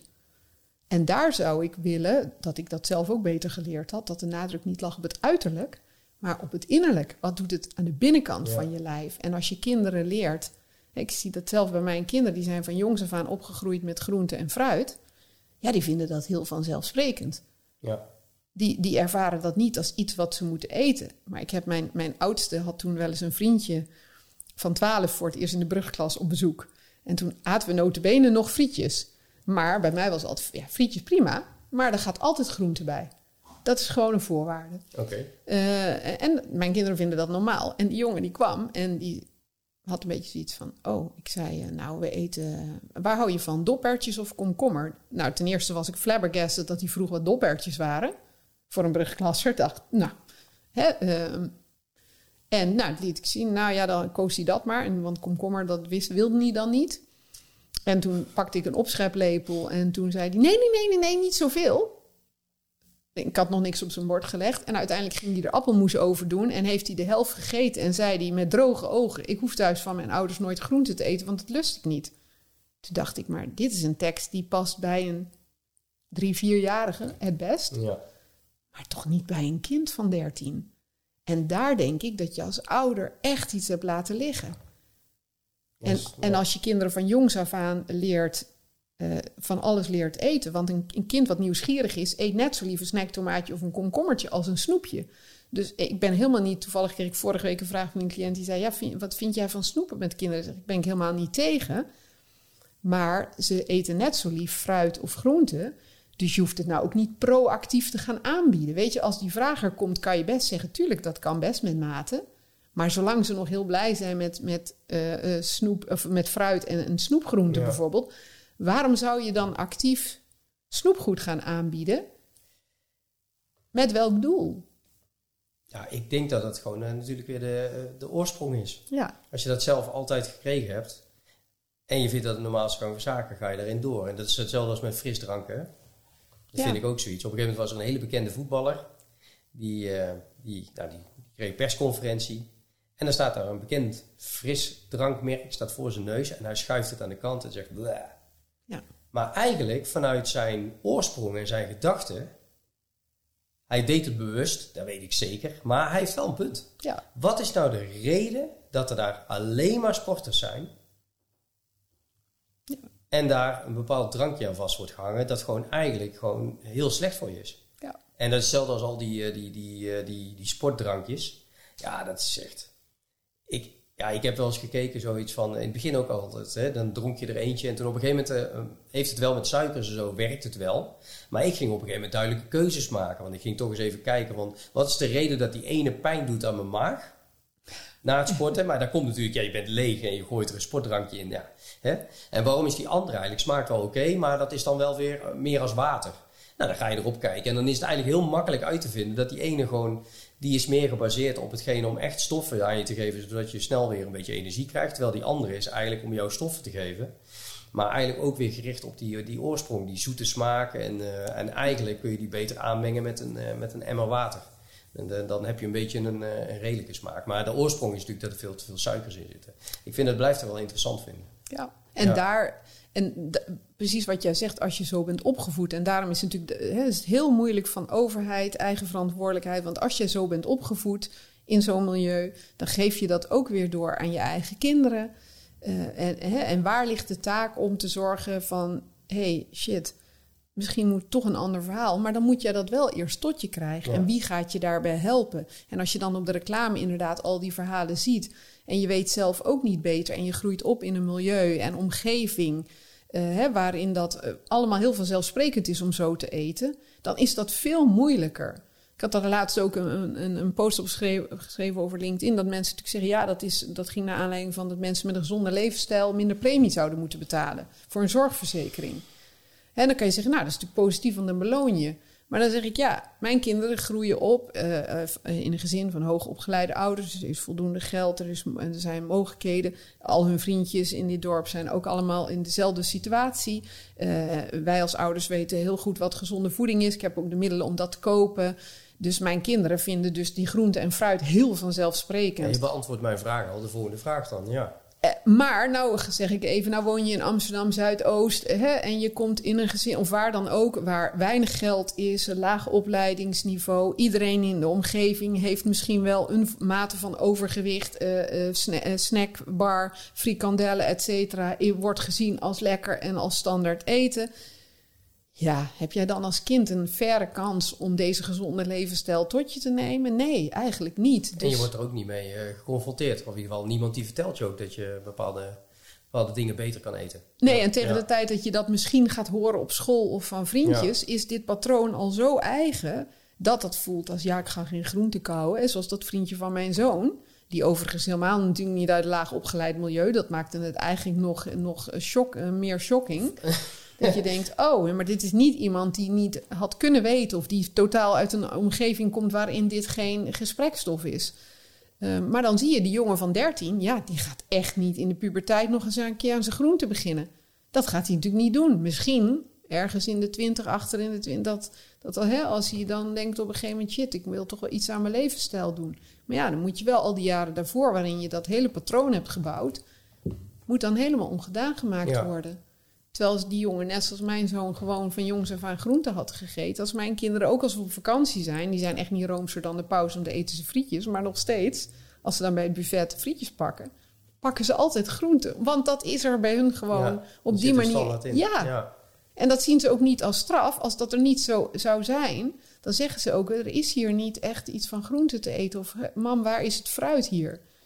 En dan denk ik, dat kan dus ook. Maar dat is omdat ze dat van jongs af aan met de paplepel hebben ingegoten gekregen, dat dat normaal is. Ja, al moet ik wel zeggen van, uh, dat op uh, mijn oude werk, daar zaten wel veel meer buitenlandse uh, expats, et cetera, et cetera. Um, alleen die hadden wel, merkte ik, veel meer waren die bewust bezig met eten. Okay. Dus bewust groente eten, maar dan ook nog biologische groenten. Uh, vis, maar dan ook nog verse vis uh, en dan et cetera, et cetera. Dus we waren er echt heel veel mee bezig. Om, uh, en daar was ik wel een beetje verrast door. Want, ja, om eerlijk te zijn, ik haalde gewoon een, een kant-en-klaar salade. Alleen, ik had dan niet de saus, zeg maar, de dressing. Ja. Zeg maar, want die haalde ik er dan weer uit. Ook, ja, dan moet iedereen maar zelf even kijken wat daar allemaal in zit. En ook weer de E-stoffen die er ook altijd in zitten. vind ik altijd jammer. Ja. Nee, maar oké, okay, maar dan, ik vind het nog ineens jammer, zeg maar, dat oké, okay, je weet dat er suiker in zit en ze willen het zoet maken, dus je kan er een klein beetje van gebruiken. Alleen dan die E-stoffen, ja, daar zit gewoon heel veel onderscheid in. En die E-stoffen, sommige van die stoffen, die, ja, je lichaam weet niet wat hij ermee moet. Nee. Dus die slaat dat op als afval. En waar dat vervolgens, als je dat natuurlijk 40 jaar eet, waar dat allemaal blijft, ja, dan kom je gelijk in de ernstige ziektes terecht. Denk ik dat het allemaal wel kan resulteren in, in, in een hoop ellende. En ik denk dat dat wel een beetje, en dat vind ik wel. Kijk, je had het net over opleiding en, en, en inkomen eigenlijk, hè, dus vaak gerelateerd aan elkaar. Ja. Ehm, als ik dan kijk naar het patroon, dat als je minder inkomen hebt, dat betekent dus dat je eigenlijk meer rotzooi koopt. Maar als ik dan weer naar het zuur, als ik dan weer ga kijken wat je kan kopen, zijn ook de goede spullen, zijn vaak ook hoger geprijsd. Dus automatisch word je al meer gepusht of geduwd naar hetgene wat niet zo, zo voedingsrijk is. En ik denk dat dat heel belangrijk is. Naast het feit natuurlijk dat die frisdranken, dat is echt dat. Uh, ja, ja, ja en daar zit dus ook de andere kant. Natuurlijk kun je zeggen, een frietje uh, halen bij de snackbar is goedkoper dan een maaltijd koken. Aan de andere kant zien we natuurlijk ook dat mensen die ongezond eten veel geld uitgeven aan frisdrank en chips. Bij wijze van spreken. En die hoef je niet te kopen. En er is ook goedkope groente. Dus, weer, daarom zijn er weer keuzes. Ja. Precies. En ik zeg altijd, nou, die grote gele M, waar we het net al over hadden. Ik wil niet veel zeggen, maar ga daar maar eens met z'n vieren een maaltijd eten. Dan ben je echt wel veel geld kwijt. Daar kan je echt heel lekker voor koken. Ja. Dus dan denk ik wel eens, als je daar twee keer per week naartoe kan gaan. En dat is natuurlijk niet voor iedereen, dus daar zitten gradaties in. Maar soms vind ik het ook te makkelijk om te zeggen: nee, maar alles wat gezond is, is duur. Want dat is niet waar. Nee. En niet alles wat ongezond is, is goedkoop. Dat is ook niet waar. Dus uh, uh, je kunt ook voor niet zoveel geld gezond koken. Ik heb wel eens een keer zo'n foto gezien van de, de jaren 70. Toen werd ik uh, geboren in de jaren 70. En een foto op dit moment, ik denk tien jaar geleden op het strand. Nou ja, er, was een duidelijk verschil. Maar er was ook wel een ander verschil. En dat vond ik wel interessant. Um, tien jaar geleden waren de mensen al veel gezetter. Uh, twintig jaar geleden ben ik in Amerika geweest. En dat weet ik nog, ik was met iemand anders. En uh, toen zei ik van, jeetje, Mina, wat erg hier, joh. En ik zeg van, nou ja, niet rot ik bedoeld. Maar ik ben bang dat binnen nu en een bepaald aantal jaren... dit ook gewoon in, in Nederland ook zo zou zijn. Nou, zie je ook met die tatoeages. Hè. In het begin had niemand tatoeages. En in Amerika liepen ze er ook allemaal. En alles komt wel een beetje deze kant op. En nu zie je als het ware dezelfde soort problemen eigenlijk hier. Dat die hier ook op de, de kop, uh, kop opsteken. Um, alleen als je dan kijkt hè, van uh, de ontwikkeling. Want dat zie ik dus wel weer als je leest in de Amerikaanse bladen. Zijn ze daar wel veel meer bezig met voeding. Dus wat, wat, wat, vind je, wat denk je dat dat ook invloed weer op ons zou hebben in de toekomst? Of is dat meer van wensdenken? Nou ja, wat ik denk dat in Amerika aan de hand is, is dat er een klein groepje is. Een mhm. elitair groepje, uh, wat wel uh, met die voeding bezig is. Maar dat de gemiddelde, uh, zeker de armere Amerikaan, ik denk dat daar geld ook een rol speelt, um, daar nog heel weinig ruimte voor heeft. En ik weet nog wel dat mijn broer ging, nou dat zal dus inmiddels 30, kleine 30 jaar geleden, 25 jaar geleden, in, ja, een, een tijdje zo'n uitwisselingsprogramma mm, na de middelbare ja. school. En die kwam in een gastgezin, best een goed, een welgesteld gastgezin. Daar hadden ze niks in huis. Daar lag beschimmeld brood in de kast, want dat gezin haalde elke dag, twee keer per dag fastfood. Dus die hadden gewoon, dat was echt zijn grootste shock. Hij kon daar niet, dus hij wilde dan ontbijten. Dat kon niet. Ze waren ook helemaal zo, huh? Hoe, wat, ja, hebben jullie iets van brood? Ja, dus eigenlijk is het wederom een bewijs dat het gewoon je eigen keuze is wat je doet. Nou ja, en het is de eetcultuur. Kijk, ja. heel lang hebben we in Zuid-Europa, uh, waar was, was uh, uh, overgewicht bijna uitgesloten. De kinderen in, in Zuid-Europa, Jamie Oliver heeft zo'n programma gedaan, liet dat ook kinderen. Ja. Kinderen in Zuid-Italië waren hartstikke arm, maar aten heel gezond op school, omdat er werd gewerkt met lokale producten. Die kinderen wisten wat een aubergine was, wat een courgette was, hè, al die dingen. En Engelse kinderen, hè, daar heeft hij zich toen ook heel boos over gemaakt. Daar werd geloof ik een kwart van het geld uitgegeven aan een schoollunch. Dan in het arme uh, Zuid-Italië, waar eten van veel meer waarde werd, uh, van veel ja. meer waarde werd gezien eigenlijk door iedereen. En in Engeland eigenlijk zoiets als, nou ja, er, moet e er moeten calorieën in. En hoe kunnen we voor zo min mogelijk geld zoveel mogelijk calorieën uh, creëren? Dus daar, die kinderen in Engeland kregen allemaal troep te eten. Geen van die kinderen had een idee wat een aubergine was, wat een courgette was. Noem het allemaal maar op. En daar zie je natuurlijk nu ook dat uiteindelijk toch de grote gele M daar voet aan de grond heeft gekregen. Dat heeft heel lang geduurd, ze hebben lang weerstand geboden. Goed. En dat je ook in die landen ziet, in Spanje en in Italië, dat de jeugd steeds dikker wordt, omdat ze afstappen van hun oude waarden met betrekking tot eten. Van Ja. pure voeding, allemaal heerlijk, maar allemaal vers en met vis en noem het allemaal maar op. Maar allemaal heerlijk, want wij vinden het allemaal lekker, het eten in Italië en in, eh, in, in Spanje. Dus met dat voedingspatroon is niks mis. Maar ook zij gaan steeds meer naar het model van het snacken, het snoepen. En inderdaad, in die zin het meer Amerikaanse model. Ja, ik hoop dat wij vanuit onze oorsprong met toch meer een eetcultuur in Europa iets meer daaraan blijven vasthouden. Die eetcultuur is denk ik in Amerika nooit geweest. Daar, daar is de, de, Nee, maar daar heb je ook al Kentucky Fried Chicken. ja, Eh, dus daar is nooit van origine een, een hele erge eetcultuur van vers. En, Nee, en hè, de- ja, de- er komt nu een groep die dat, maar dat is toch een beetje de elite, denk ik, die dat aan het ontwikkelen is en die hè, daar heel erg mee bezig is. Maar wat vind je dan van eh, de nieuwe ontwikkeling kweekvlees? Ik heb daar een stukje, ik, ik bedoel, ik, ik heb daar geen mening over. Hè. Ik bedoel, ik zie het gewoon en dan denk ik van, alles wat niet natuurlijk wordt gefabriceerd, zeg maar, daar heb ik altijd van, ja, daar moet een bepaald proces aan, aan de grondslag liggen waar ik denk van, ehm, uiteindelijk zal er iets achterblijven in het product wat niet positief is. Hetzelfde als dat je snoepjes eh, en zo, daar zit gewoon chemie, ja, iets chemisch, chemisch proces zit erachter. En dat lijkt mij dat je daar altijd rekening mee moet houden. Ja, ik ben zelf ook ja. geen voorstander van bewerkte producten. Dus Nee. ik, ik probeer ook altijd zo min mogelijk bewerkt te eten. Eh, eh, en daarom valt alles, zeg ik altijd, wat voorverpakt is in de supermarkt, valt voor mij dus meestal af. Dus ik kom ook echt niet in het koekenschap en in het chipschap. Dat sla ik gewoon over. Ehm, ja, ik weet niet genoeg van kweekvlees, maar in, Nee, ik ook hè, niet. eh, eh, is dat helemaal. Ik, ik heb dat bijvoorbeeld wel met, met vleesvervangers die er nu zijn op dit moment. Dat een van mijn bezwaren dus is: ja, het is geen koe, maar wat is het eigenlijk wel wat je eet? Het is mega bewerkt voedsel. Ja, het is, eh, het is, het is een, een basisproduct en dan als het ware met heel veel... Ja, waar heel veel eromheen. bewerking Ja, aan ja. heeft plaatsgevonden. Niet alleen aan stoffen, maar ook aan eh, bereiding, zeg maar. Hè? Dus heel, het is heel erg bewerkt in heel veel, op heel veel manieren. En dat maakt dat ik er niet heel enthousiast over ben, persoonlijk. Hè? Maar dat Nee, is nee, dus niet, ik, ja. zeg niet dat de voedingswaarde niet goed is. Maar persoonlijk kies ik dan liever eh, eh, vegetarisch afgewisseld met een stukje biologisch vlees, waarvan ik dan de herkomst weet Ja, waarvan ik weet dat is gewoon vlees, punt. Hè, of, of kip of iets dergelijks. Dan een, een heel erg, erg heftig bewerkt stuk vleesvervanger. Waarvan ik zeg, oké, daar hebben we geen koe voor. eh, ehm, eh, en dat is natuurlijk milieutechnisch. Maar soms vraag ik me bij die hoge bewerking van vleesvervangers ook af... ja, als je alles bij elkaar optelt van het bewerkingsproces... is dat dan inderdaad beter dan die koe? Dat, dat weet ik dus, dat zeg ik ook oprecht, weet ik niet.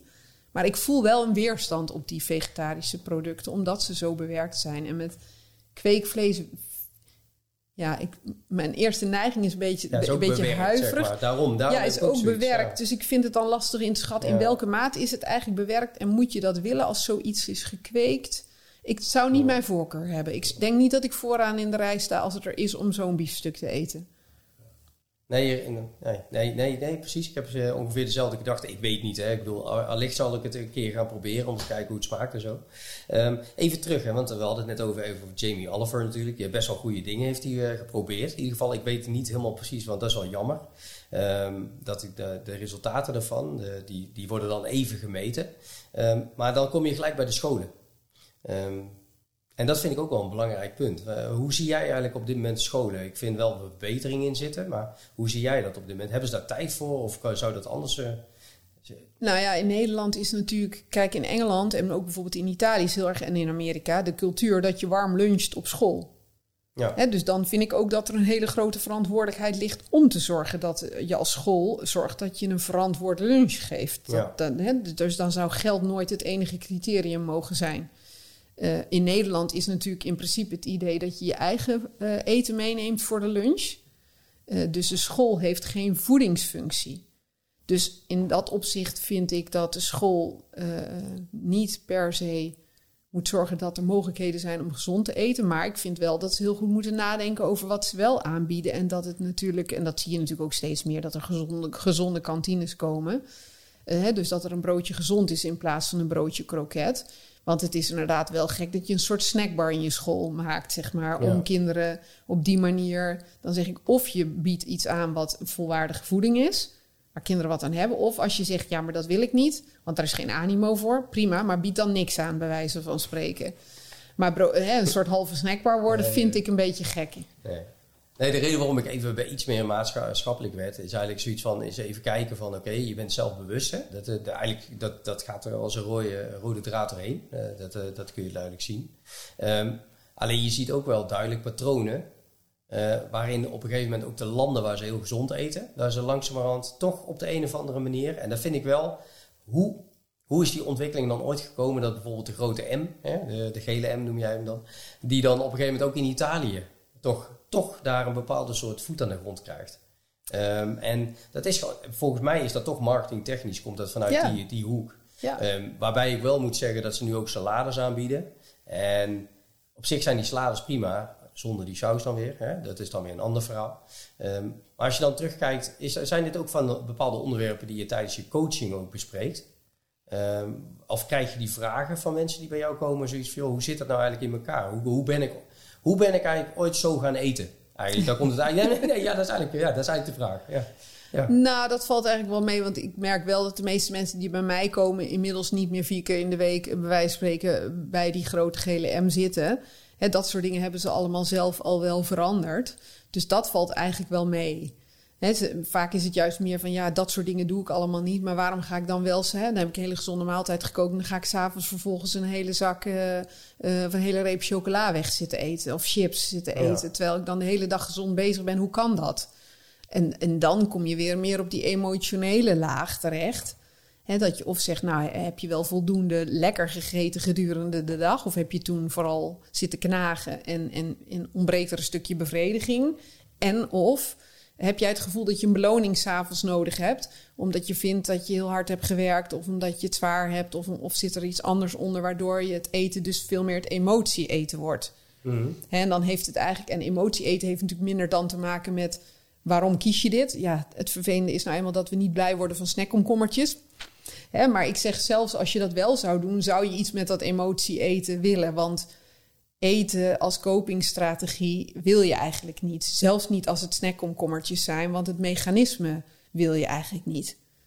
Dus dat, dan is het even los van wat je eet, wil je eigenlijk niet je issues Ja, verdoven, ja. verstoppen of afleiden onder eten. Ook niet onder gezond eten. Ja. Dus dat. Nee, wat ik gewoon zelfs... eh, Kijk, ik eet zo gezond mogelijk. Ik, eh, als ik dan snack, dan eet ik nootjes, zeg maar. En bepaalde soort al, eh, et cetera. Ehm, alleen wat ik wel merk is gewoon... Het eten is ook wel veel makkelijker gemaakt. Hè? Je hebt het net over snackkomkommertjes. Ik denk bij mezelf... Het moet wel heel makkelijk zijn. Je moet als het ware het letterlijk uit het bakje pakken. Als je het over plastic hebt. Hè? Of je pakt gewoon een komkommer. Die tegenwoordig zonder plastic worden gemaakt. eh, of worden geleverd dan. Ook al heb ik daar nog steeds wel mijn vragen over. Omdat er wel eens een onderzoek is geweest dat er meer komkommers weggegooid worden. Omdat ze vaker eh, beschadigingen krijgen eh, zonder plastic dan met plastic. Maar dat maakt niet uit. Maar in principe zou je thuis ook gewoon tien stukjes komkommer gewoon af kunnen snijden. Op een bordje. En dan heb je eigenlijk als het ware hetzelfde. Ja. En dat, eh, dat, dat merk ik ook wel. Ehm, ik, vind, ik vind wel grappig dat, dat er zoveel dingen worden eruit gevonden, zeg maar commercieel gezien. Terwijl eigenlijk de essentie van het verhaal blijft, stop er tijd in. Ja. En dat is één ding wat, eh, wat wij thuis bijvoorbeeld hebben gedaan. Weet je, we, we koken voortaan samen.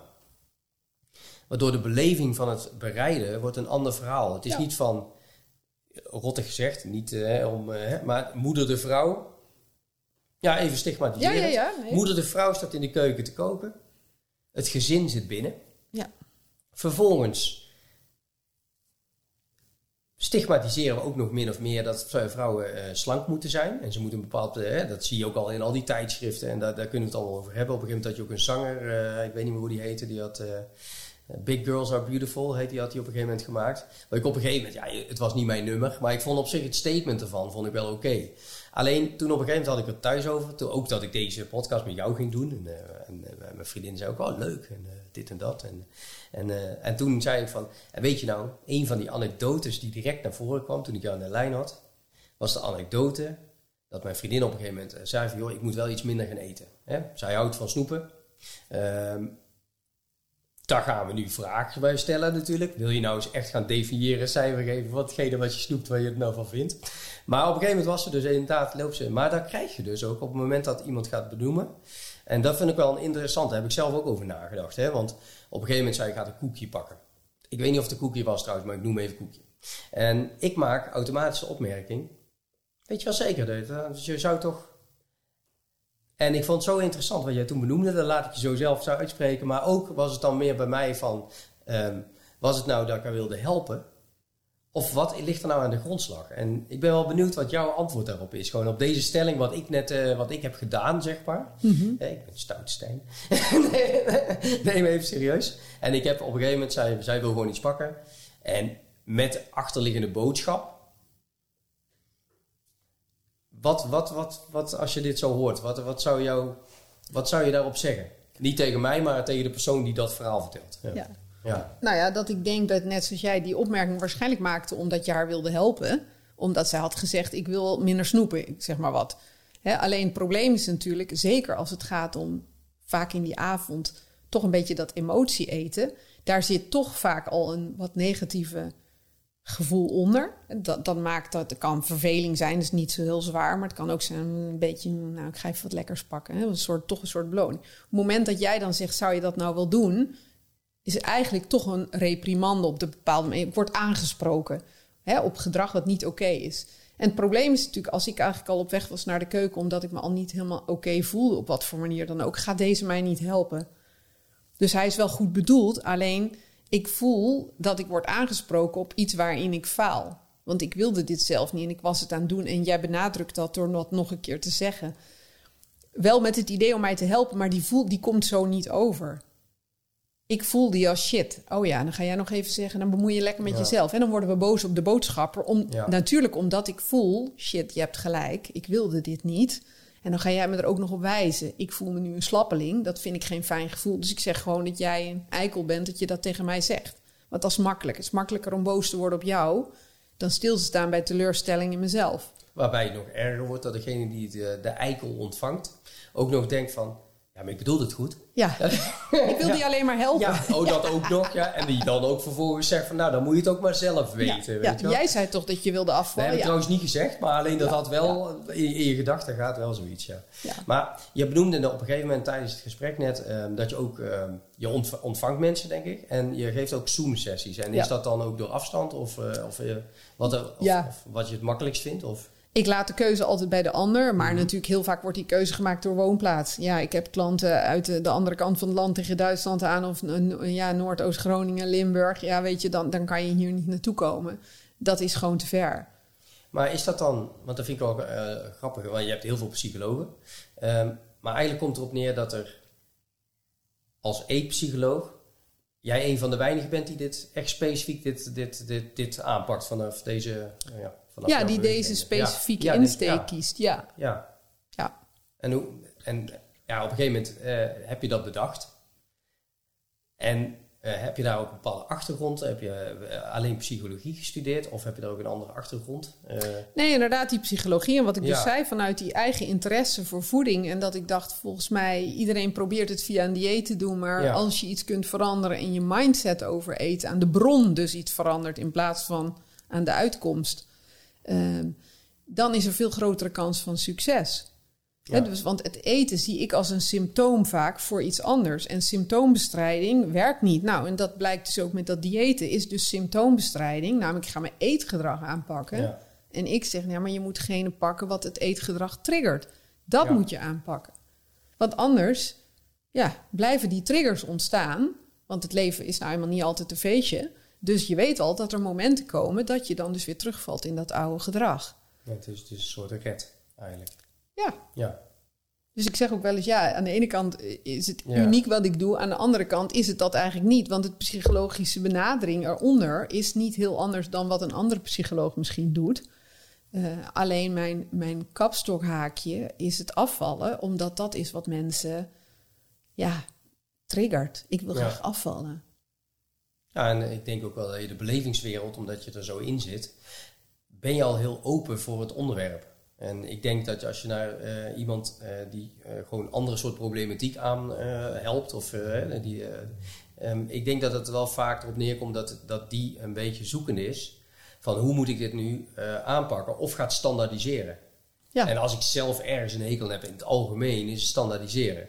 Er zijn als, je kan alles standaardiseren en eh, dat, dat, dat, dat werkt volgens mij niet. En elk mens is anders. En dat, dat maakt ook wel uniek. Maar als, uh, als jij, ehm, kort, ehm, op een gegeven moment iemand heeft een eetprobleem, um, gaat zoeken. Um, waarschijnlijk uh, heb je je website ook zo met heel veel SEO en uh, dat je heel makkelijk gezocht wordt. Wel, Saskia, dat heb je wel gedaan. nou, ik ben ook niet zo van de techniek, dus daar moet ik eigenlijk okay. allemaal nog wat meer aan doen. Maar, uh, maar goed, ja. vooralsnog is dat nog niet erg nodig. Dus, maar ik en, snap wat je bedoelt. Ja. Ze sturen je een mailtje, meestal mail of meestal telefoon? Uh, nou, meestal mail of wat je op mijn website kan je ook zelf. Want wat ik eigenlijk altijd doe, is mensen, uh, zeker als het één op één traject overweegt, zeg maar, mm. dus echt één op één coaching, niet het online, zeg ik altijd doen we een ken kennismakingsgesprek, een vrijblijvend. Omdat een van de belangrijkste factoren is natuurlijk gewoon de klik. Het is in de psychologie in het algemeen. De relatie tussen de psycholoog en de cliënt is een van de grootste succesfactoren. Ja. bepaalt voor bijna de helft het resultaat van, uh, van, de, van de sessies. Dus ik vind altijd dat, er dat we een klik moeten hebben. Plus, ik vind het trouwens heel belangrijk wat je nu benoemt, hè? Dat je echt een klik moet hebben. Ja. Want ik denk dat um, voor 90% mensen die hulp nodig hebben, um, ergens naartoe gaan en eigenlijk gewoon denken van, is er nu een klik ja of nee? En ik denk dat de, de verantwoordelijkheid daarin, omdat degene die behulpbehoevend is, daar weinig verstand van heeft, denk dat ook wel grotendeels de verantwoordelijkheid bij de psycholoog zelf, of in ieder geval degene die de hulp aanbiedt, ligt. Ja, hoewel het natuurlijk lastig is, want ik, ik kan alleen beoordelen of ik met jou een klik voel. Misschien denk jij wel, wat is dit voor een raar mens? Ga je straks zeggen, hier wanneer zich, nou, dat is echt... Uh, ja, dan... ik denk, nou, volgens mij ging dat wel... dus ik kan natuurlijk niet in jouw hoofd kijken. Nee, oké, ja. Dus in die zin is die verantwoordelijkheid wel, ligt die wel bij de cliënt zelf. Tuurlijk, als ik hem niet voel, zal ik vanuit mijn kant uitspreken van joh, volgens mij moeten we dit niet doen, want ik, ik, ik voel hem niet. Um, en het is ook belangrijk om goed te achterhalen. Ik bedoel, ik had vorige week een gesprek met iemand die heel duidelijk gewoon toch meer baat had. Dat was overigens een man. Bij, uh, bij een goede diëtist die zou meekijken naar zijn eten. Dus dan zeg ik, joh, volgens mij moet je helemaal niet in een, in een traject gaan met mij. Want dat is volgens mij niet wat je nodig hebt. Nee dus ik doe altijd met uh, dat, dus dat kennismakingsgesprek is van twee kanten om te kijken van behalve de klik, ben jij ook op de goede plek bij mij? En soms als iemand echt op wat we dan noemen een eetstoornis zit of daar heel dicht tegenaan zit of mhm. hele zware traumaproblematiek, dan zeg ik ook zeker als iemand niet naar mij toe kan komen, ik weet niet of Zoom hè, de of we dit moeten doen. Ik snap wat je zegt. En soms beginnen mensen wel bij mij, omdat ze die stap anders te groot vinden, maar het in overleg. Um, dus het is altijd, en mensen kunnen die, uh, die afspraak altijd uh, inplannen gewoon. Dus op mijn website kun je dus zelf zo'n afspraak maken. Dus op die manier krijg ik vaak uh, gesprekken in mijn agenda gewoon staan. Dat we zo'n kennismakingsgesprek hebben. En dan moeten ze ook altijd een vragenformulier invullen, waarbij ik een beetje al natuurlijk een soort voorinformatie heb van hé, hey, waar zit iemand en wat wil ik uitvragen in dat gesprek. Want dat vind ik heel belangrijk. Dat je, kijk, ik kan wel denken dat ik door heb wat jouw issue is, maar als jij er anders in zit. Ja, als jij zegt, nee, maar ik vind echt, uh, ik wil gewoon uh, beter eten en, en, meer sporten, weet ik veel. Dan, dan ben je niet bij mij aan het goede adres. Want dan hebben we een ander idee over waar de issue zit. Dus eigenlijk uh, het makkelijkste is, als je zo snel mogelijk eigenlijk contact met jou wil of een gesprek, is eigenlijk die vragenlijst kijken op de website, dan plannen wanneer je kan. Ja. En dan kun je ook gelijk kijken of het inderdaad een match is, ja of nee. Ja, en op de, de website krijg je daar natuurlijk al een idee, want daar werk ik natuurlijk voorbeelden uit. Dus dan kan je zeggen, hé, hey, dat zeggen mensen dan ook, hey, dat las ik. En mijn stukjes op LinkedIn en zo, dan zeggen ze, hé, hey, dat herken ik. Dat voelt alsof het over mij gaat. Nou ja, dan weet je van, hé, hey, dit is dus, hier zit ik goed. En daar heb ik ook, door die stukjes herkennen mensen ook, oh, oh shit, maar ik zit ook s'avonds zo te eten. Misschien is dit proces wat zij hier beschrijft, dat is misschien eigenlijk wel een beetje wat er bij mij gebeurt.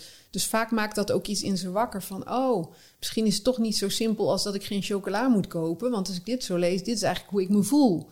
Dus vaak in die stukjes komt al het besef van. En vanaf hoe oud eigenlijk? Uh, nou, in principe zit daar geen, heb ik geen leeftijdsgrens. Het is wat ik in het begin zei, dat mijn ervaring helaas is. Ik heb een paar nu uh, wat jongere dames van rond de 30. En dan zeg ik ook altijd: fijn dat je er nu al bent. Want dan is het patroon minder oud dan wanneer je over 15 jaar. Dan heb je dat nog weer verder. Ja.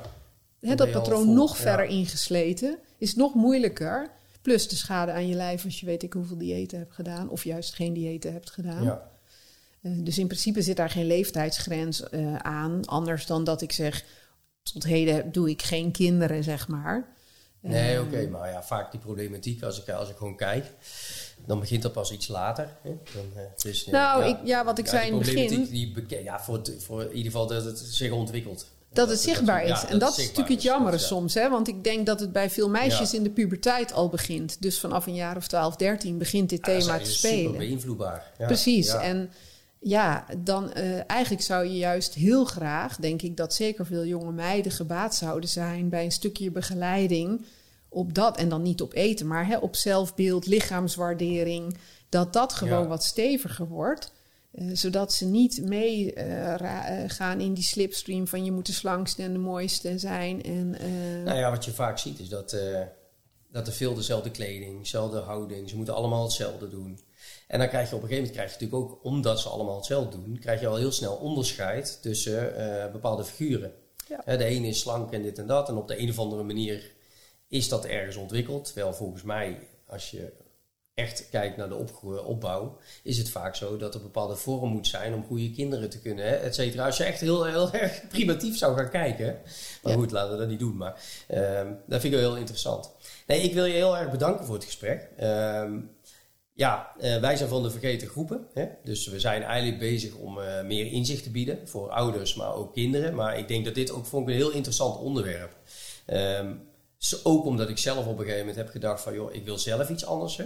Uh, ik, vroeger, ik heb tot en met mijn dertigste best veel gedronken. En ook heel veel zakken chips.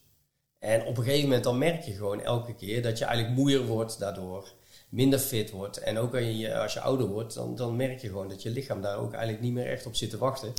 Uh, maar dat was niet echt de trigger. Het was meer eigenlijk dat je op een gegeven moment je bewust raakt van wat, wat er nou allemaal in het voedsel zit. Uh, en dat je ook om je, om je heen ziet wat het allemaal met je kan doen. Dus ik vond het een heel interessant onderwerp. Um, iedereen kan ik adviseren. Zo, ja, die iedereen wil ik niet zeggen. Anders dan staat die storm voor je huis.